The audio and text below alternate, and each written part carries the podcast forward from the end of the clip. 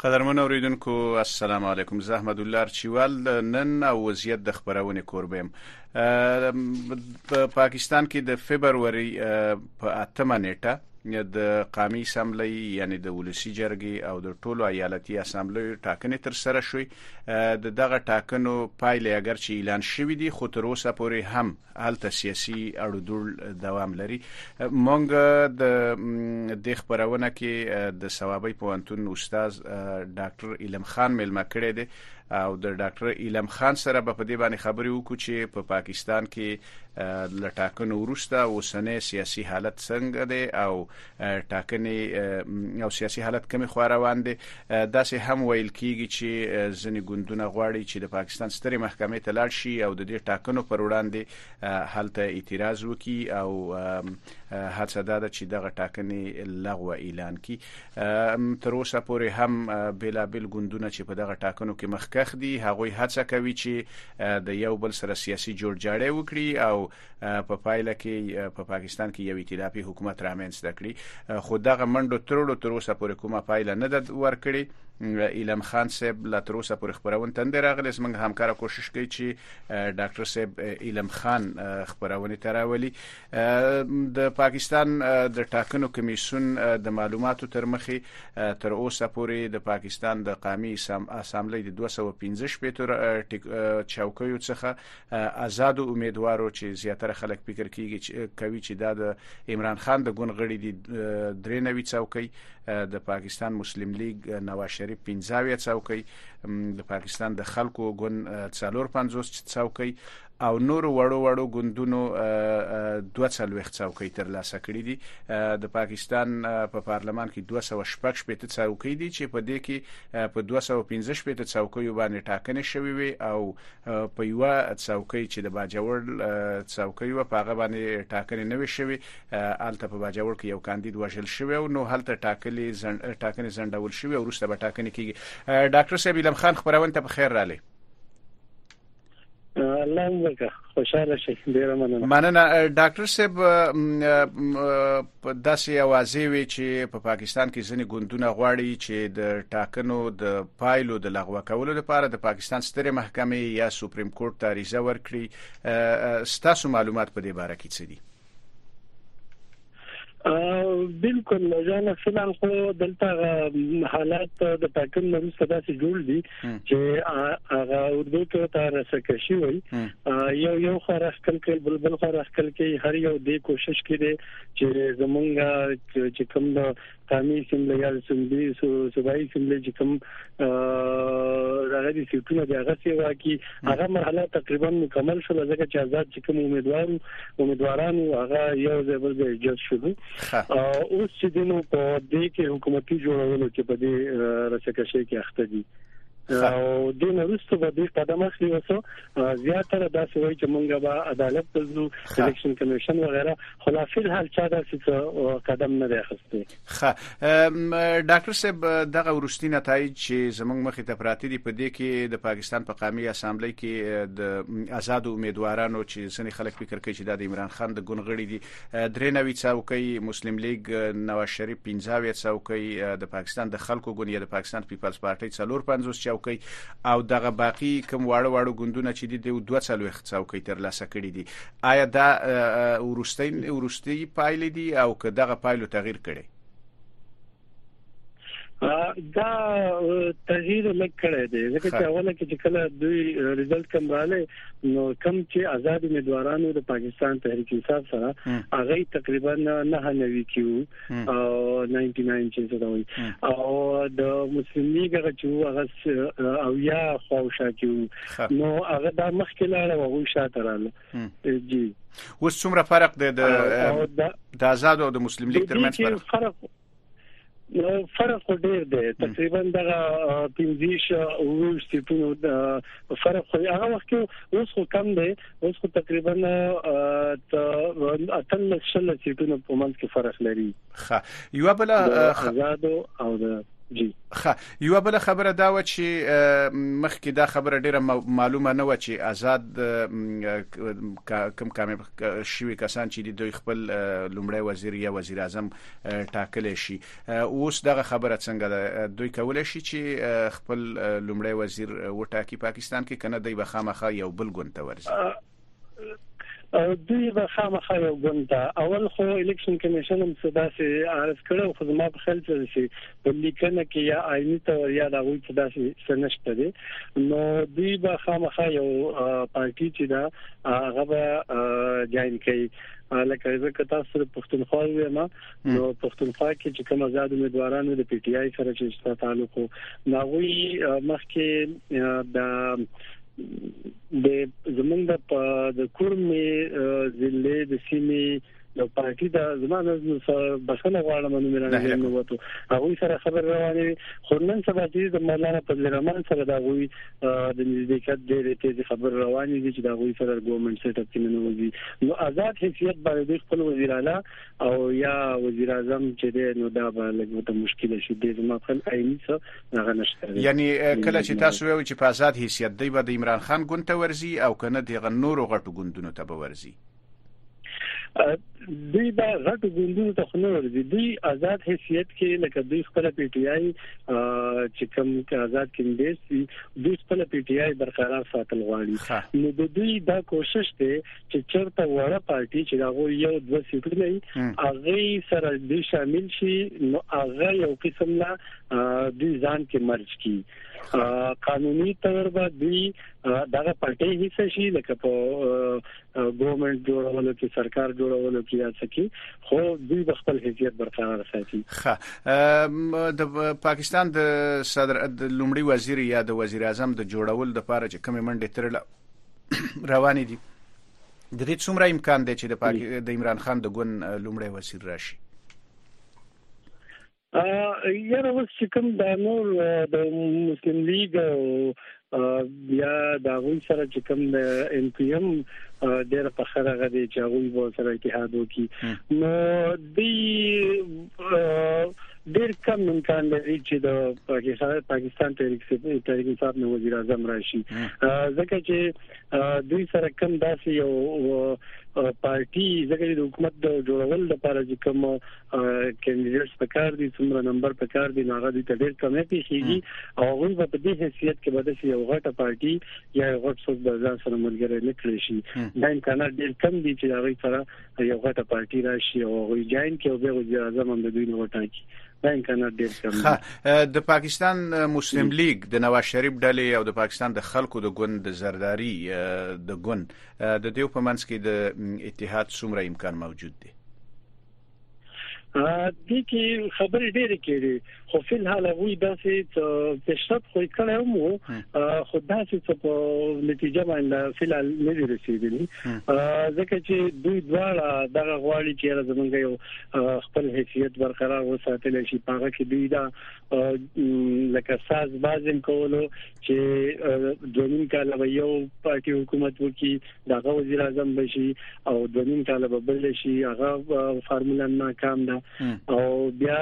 خو دوی لا خبرې روانې دي چې لا څه نتیجې ته نه رسیدلي او د څه مشکل هم د چې دوی نتیجې ته ورسیږي ځکه چې دوی دواړه مضبوط او غټې پارټۍ دي او دوی به یو بل تر اوګه به تر دغه شان ښکته نه کی البته چې کوم وړې پارټۍ دي دوی به په دغه باندې ډیر کار رواني هغه به ځان سره شامل کوشش کوي نو تاسو ویل چې د نواز شریف او د متحده قومي مومنټ د مهاجرو کوم ګوند چې د دیو ترمنځ د ائتلاف جوړېدو امکان موجود دی فکر امکان ډیر امکان دی خا په خیبر پښتونخوا کې څه حالت دی په خیبر پښتونخوا کې خو هم آزاد کاندیدانو ډیر چوکۍ ګټلې دي هلته د بالکل خا مهرباني ما ورسه بخنه غواړم خبره مې تاسو کړله دا ما وختي مرزو کو چې الته د تحریک انصاف خطا سپته چې کلین سویپ کړی دی بل کیږي هغه ټول په پته ده چې پی ټی آی کسان دي تحریک انصاف کسان دي نو هغه اوله کوشش کوم نو د کورمه نه چې کومه د پارټي دا دا غوي سره د اتحاد هغه یو پارټي دا ريجسترډ او هغه یو سیټ ګټلې دي نو دوی دا غوي سره کوشش کوي خو دا غوي سره چې د کله په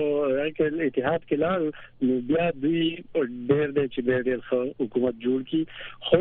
دلته نن سبا چې کوم خبر روان دي د مولانا فضل الرحمن سره جی یو آی سره جی یو آی اف سره جماعت علماء سره علماء اسلام فضل الرحمن سره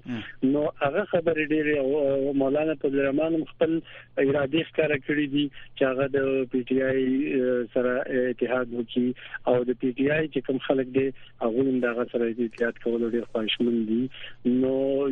ممکن ده دا زیات امکانات دي چې مولانا فضل الرحمن او پی ټی آی چې کوم دي د صوبایي حکومت جوړ کی اول ته وزیر اعلی به ظاهر خبره ده چې دا د پی ټی آی کینډیډیټ سیوا دي ډیر دي نو د دوی نه برازي بلکې دوی خو ته خپل طرف ټاکل هم دي چې کوم زمونږ ګنداپور سیب دی علي علي علي امین ګنداپور دوی د وزیر اعلی د منصب د پاره ټاکلې دي خه تاسو د مولانا فضل الرحمن او د عمران خان د اتحاد خبره وکړه تر اوسه پورې تقریبا فضل الرحمن عمران خان ته په باره کې ویل چې دا مسلمان نه دی او د د په جواب کې به د عمران خان او د د ګون خلکو فضل الرحمن ته قسم قسم نمونه ویل فکر کوي چې دغه سي اتحاد جوړ شي دا به دوام وکړي او کنه دغه اتحاد خامخا دوام کوي زمونږ ډیر عجیبه لکه دلته هم په زمونږ په سیاست کې چې ډیر عجیبه امکانات کیږي دا چې ناممکنه کارونه وشي چې دا بالکل د چا یقین تم نه پیوځي نو بالکل د د د ډور د چې کوم د اتحاد خبر روان دي نو تنقید ډیر کیږي چې را دا به څنګه کیږي لکه څنګه چې تاسو دا سوال چت کو یو ته يهودي جنټ ویل کافر به وته ویل بل ته او ډیر بد بد نمونه باندې یو بل یادې دو نو دا به څنګه مخکې لاړ شي خو هغه خبرې دوی اوس ټول کا یو بل ته مجبور دي یو بل ته لکه کمپرمایز کوي د یو بل سره نو دوی هر څه ته تیار دي ورکر چې دا هغه تقریبا راځي شوی دی د د ځوړو پټو چې کوم ورکر دي هغه یو بل ته راځي شوی دی هغه یو بل سره هغه د یووالي خبره کوي نو هغه خبرې به ډېرې زر هېرې شي دوی چې کومې کولې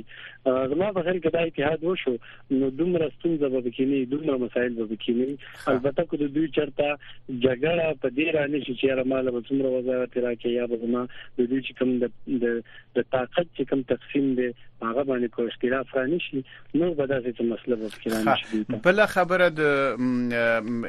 د ان پی د عوامي نېشنل ګوند او د جماعت اسلامي د دوړو ویلو چې دوی به احتجاجونه کوي او ایمل خان خو د باره کې پریس کانفرنس هم ورکړو د دوی حالت اوس څنګه دي د پایلې ومنلې غلي ناس دي او کنه د احتجاجونو کولو اراده لري اراده خو لري پریکټیکل زم کړی دا اوس هم لري خو څنګه یو خدا دا اوس چې کوم الیکشن وشو په دې کې د ورکر ډیر زیات ستړی شوی دی چې څومره د هرې پارټي ورکر دا پیری چې کوم سیاسي د پولیټیکل اکټیویزم دی د سیاسي محرکات د ډیر زیات تقریبا هر کس په د کومې چې پاکستان کوم ستونزو سره مخامخ دی کاغه سکیورټي دی که هغه حفاظتي دي که هغه مالی دي که هغه څنګه دي نو دوی یو حل په دې کې کتلو چې یاره د الیکشن وشي او خو حکومت جوړ شي نو موږ به د دې ستونزې نه بهر راشو نو په دې وجه باندې د پاکستان چې کم کم وګړی دی کاغه نرد او که خز دی هغه په دې الیکشن کې ډېر زیات انټرست اخسته وو نو دوی چې اوس کوم احتجاجونه اعلان کړي نو پاره کې کې دې چې دای دوی محسوس کړي چې یاره په دې وخت کې موږ ته احتجاج کول نه دي پکار ځکه چې ورکر دې ټیم کې نه دی تیار چې هغه درنې ته ورشي یا احتجاج ته ورشي ډیر کم به شي نو د ناکام کېدو په وجه کې دې شي چې دوی څو وخت لپاره د خپل احتجاجونه لیټ کې لږ ورستو کې او اراده لري خامخا به کوي کچر ته د احتجاجي رغمونه کې احتجاجي نه ونه کی نو بیا د دوی هغه سیاسي چې کوم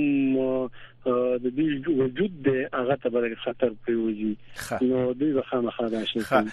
نو تاسو د خلکو خبره وکړه د پاکستان د اوسنیو ټاکنو په اړه کې هم په نړیواله کچه باندې هم د پاکستان په داخل کې ډیر زیات نیوکه وی خلکو ویل چې د کې درغلې شوې دي آیا هم پاکستانیانو دغه پایلې منلې دي دوی دغه انتخابات تسلیموي او کنه یو قسم په تپل شوی دي دی زه په خپل باندې تاسو په پته یو د ډېر په سیاسي تور زه خمو تحریک یم نو ما په خپل علاقې چې کوم وو پولیس سټیشن دی نو هغه کې تقریبا ما بار بار یو پولیس سټیشن ته تګ او داغه خپل نظر باندې کتل نو یو خو اوله خبره دا و چې دا چې کوم پولینګ شوی دی خاص کر زمونږ په علاقو باندې چې کوم لکه یو قسم لا سنسټیو او خطرناک هم تصور کېدی چې دلته حالات خراب دي دا غدي الته پولینګ پولینګ به چې ودا ډیر زیاته پوره منوا خلک دومره په ادب سره دومره په خطرې کا سره په لاین کې هر یو سړی هغه ووټ چې دا کاست کړي دي زما چې کوم وو پر سټیشن او نو پاګه کې هیڅ قسم برته به به ترتیبی نه ده شوی نه پکې بدلوین شوی نه پکې څه دغه شوې دی دا ریګینګ یا دندلی شوې دا غلط کار دا غنه رسته چې څومره پولینګ په زمون په علاقه باندې شوې دی دا بالکل برابر شوې دی خو کوم چې مسله راغلی دا نو دوی چون کار ویل چې موږ کمپیوټرایز سیستم دی نو یو پاغه باندې نیو کې کیږي د دې کمپیوټرایز سیستم بالکل دا خراب وو هغه نه کېدو زه تاسو ته وایم چې څه مسلې وي پکې او نو دا مسلې به وروسته جوړې شي دي د شپې چې کله پولیس سټیشن پولینګ ایجنټ چې د فارم 45 وغیرہ دا جمع کړی دي دا غو وروسته به مسلې جوړې شي دي نو پاره کې واځي ظاهر خبره ده لکه کزه تاسو سره خپل حلقې خبره وکم زمونږ د علاقې نه چې کوم کاندیدټ هغه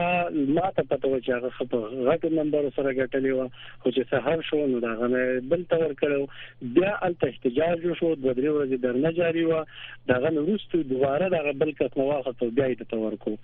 نو حالت داسې وو خا جی خانو دا د سیوازې مو چې په دې کې ځنې پولیسو افسرانو د خلکو نه د کاندیدان نه پیسې غوښتي وي ورته ویلو چې که پیسې ته ورکړي نو دوی به پایله بدل کړي دغه خبره تر څو پورې سمه ده زمون په ځای باندې لکه کوم ځای پورې چې خبره مدا چې په ظاهر لکه په برای راس ما دا چې تنو کتلی البته دا خبره اوس ډیره ورو چې واقعي د چې په دې کې دا شان خبره شوې وي دا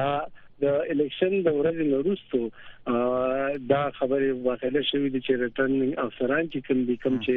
یو ځلي د الیکشن نمائندګي کوي هغه په دې فارم 45 او فارم 47 پنځه څلوېښتم او اووه څلوېښتم چې کوم فارمونه فارمونه د الیکشن کمیشن په دې کې د رد بدل او په دې کې د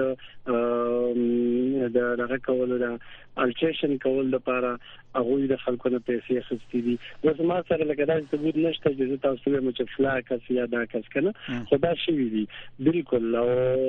دا غوښته پکې ډېر لکه اوس عام خلک خبرې کوي چې بل دې کې ډیر روپې واخستل شي په دې ځای کې واخستل شي نو دا خبرې شوې دي بالکل د الیکشن د ورځې باندې د انځین نه شوې دا غنو دشته دا هغه چې دا ګرځي شوې دي نمبر د اف ووټینګ د دای خراب کړی بل خبره د ډاکټر صاحب د مذهبي ګوندونو او ملتپالو ګوندونو د مذهبي ګوندونو جماعت اسلامي په ټاکنو کې ډیر خراب شو ملتپاله ګوندونه عوامي نېشنل ګوند او د محمود خان اڅکزي ملي عوامي نېشنل ګوند هغوی پښتونخوا ملي عوامي ګوند هغوی هغه عمر چې تمه کېدل څوکۍ تر لاسه نه کړې د دې څه لامل دی په دې باندې چې کوم انالیسز لکه دا زموږ ټول چې کوم انالیسز دا ټول غلط ثابت شوی دی چې هر حال ته کوم قامي چې کوم ګوندونه او یال ته چې کوم دغه نو دوی به ډېر خو ووټ بواخلي خو هیڅ پته ونه لګیږي چې په دې ټیم کې ځکه چې د پی ټی آی کوم خلک وو هغه د الیکشن د ورځې دوه درې ورځې مخکې پوري هغه بالکل لکه تقسیم په خپل منځ کې او بیا دا غو ډیر وو چې هغه نور ته روانو تقسیم شوی وو خو الیکشن په ورځ باندې اکدم غو ټول چې د ووټ هغه ته پول کړی دی نو په هغه کې زه ته خبره لکه هغه د ریپل جنن دا چې څومره یو شیز دباوې زور ته کې ناغه وتا ستا عمره دیکا درکې واپس به دیکا ورکې نو یو په کې دا ډېر غټ فیکټر وو چې خلکو د پی ټی آی چې کوم کینډیډیټ سو یا د پی ټی آی چې کوم ورکر زو د دې سره باقاعده لکه غ پری پولینګ ریګینګ چې کوم دی د الیکشن مخکې چې کوم دانډلی کېده نو هغه د سره سبا قاعده په پلانینګ باندې کېده دا هغه کینډیډیټ چې دا هغه ورکر او دا هغه ډیر زیات اذیت او تر څول او ډیر زیات خراب کړو نو دا هغه په غوسه کې او دا هغه په ریپل جن کې دوی ته چې دی ووټو خو ډیر پول شوی دی خو کولاو د عمران خان د ګوند او د پاکستان د استبلیشمنت یا د ادارو اړیکی د محل څنګه دي ځکه لکه څه تاسو ته اشاره وکړه فکر دا کېده چې ښايي د ده ګوند زیاتې څوکۍ ونه ګټي خو اوس یې ډېرې څوکۍ ګټلې دي نو دغه څوکیو ګټلو د پاکستان د ادارو او د عمران خان ترمنځ په اړیکو باندې کومه اغېزه کړې که نه د دوی ترمنځ حالت اوس هم ترینګلی دی حالت اوس مهه شان دي چې الیکشن نه مخکې وو کنه دا چې نشو ویل چې را دا وی حالت به واپس چې خپل ځای ته راغلی هم ځکه چې دا څومره غوي ته کوم ستونزې جوړې دي نو دا ښکاره خبره وا دا ته دغه طرف جوړې دي د اسټابلیشمنت طرفه چې یاره د دوی دا کم کینډیډیټ چې دی یا د کوم ورکر چې دا په سوجه باندې کمزوري کی او د واره حکومت تر لاسه کی هم د دغه سختو په وجه باندې هغه هغه خپل کوشش ډبل کو او د الیکشن د ورځې پورې دوی بزان ظاهراو نه چې یاره زه د پی ټی آی ورکرې ما خو ووټي چې بیا د پولینګ په ډې باندې د نو پولینګ په ورځ باندې ووټینګ ووټ چې د دای پی ډی آی تور کړی دی نو په دې دوی هم په دې کې حیران وو ځکه چې هغه ته کوم ستونزې وي موږ ټول هر سړي دا انالیسز د هر یو ماهر چې کوم دی دا غلا خبره و چې را پی ټی آی دا پیری خط ختمه ده پی ټی آی خراب شو او د دا هیڅ قسم موټ وانخلی نو دا ټول مهارن دا راي دا ټول غلط ثابت کړلې او هغه په دې کې دا استابلیشمنت هم په خپل حیرانو چې دا موږ کوم ستراتیژي کړی و او موږ څومره تکلیف وکړو به اکدم چې د ماخام رزلټ راځي هغه لکه ټول د پی ټی آی په حق کې دی نو داغه نرسته دا کوم مسائل چې جوړ دي د احتجاجونه او دا دغه نو دا په یو شپه کې چې کوم ریګینګ شوی دی داغه په مخه خلاف باندې دا احتجاجونه هم دي او دا دمکین هم ورکړل کیږي او دا الزامونه هم دي ډاکټر صاحب تاسو ته اشاره وکړه چې حالت دغه شانتي دي چې تر اوسه پورې څوک نه پوهیږي چې څنګه حکومت به جوړیږي څوک به جوړي دغه حالت د پاکستان په اقتصاد باندې څه غیزه کړې ده هغه اقتصادي هر څلې چې کوم دی عام بلکې وړوکی کاروباري چې دا هر یو په یره کې دی هغه چې کوم خواهش باندې په دې الیکشن کې چا حصہ خسته و چې را دلته به یو حکومت جوړ شي دغه سره به زمونږ د د کم معاش چې کم پهیا دا کم کم ویل دی دا روان شي خو هغه شانونه شولا نو دا درې څلور ورځې کم عام روزګاری چې دا ډېر زیات مایوسه دي ځکه چې هغه ته څه ښکاری نه چې یاره داسې یو یو سټیبل حکومت به جوړ شي ځکه چې اوس چې کوم حکومت جوړ شي دا هم د لانجو نه خالی نه احتجاجونه او درنې او زه ستا اتحاد کوم ستا سره نه کوم نو په دې وجه د بار چې کوم سرمایه کاری دا اغم ډیر کم امکان لري چې هغه د وطن ته وسره شي ترڅو چې یو خو حکومت جوړ شوی وي نو فکر ډیر دا نو فکر فکر اکانومي چې کومه ده ښه ستاسو له نظر د کم نوې حکومت چې جوړیږي د دوی پر وړاندې ننګونې څه شي دي غټي غټي ننګونې او چیلنجونه د ټول ناول خو زمون چې کوم مسول دي ډیر دي خو د ټول ناول چې ټول پاکستان ته د ټول ملک ته د ناغه د ګرانی د شیزونو ګرانی بیا روزګار دی او بیا زمونږ د پښتونخوا طرف ته روزګار او بدمنی دا بدلونی چې دا د په نور وطن باندې دومره څوک دغه نه راوړي په پریارټي کې خو زمونږ په علاقه باندې چې پښتونخوا کې خاص کر په دې کې بدمنی په اول نمبر باندې دي ساتي ستونزو کې او بیا چې د نو روزګار او یا کاروبار ګرانی دا راځي دا ته غټي ستونزې دي نور خو بیا وړي ستونزې ډیر شي دي ځکه چې د ملک د تیرو ډیرو کلونو تقریبا کزه تاسو وی مکله چې د د ډیټي حکومت جوړ شوی دی نو دا یو غټ پروجیکټ په پاکستان کې نه دی شوی چې داغه سره د ملک او معیشت خطر تلل شي نو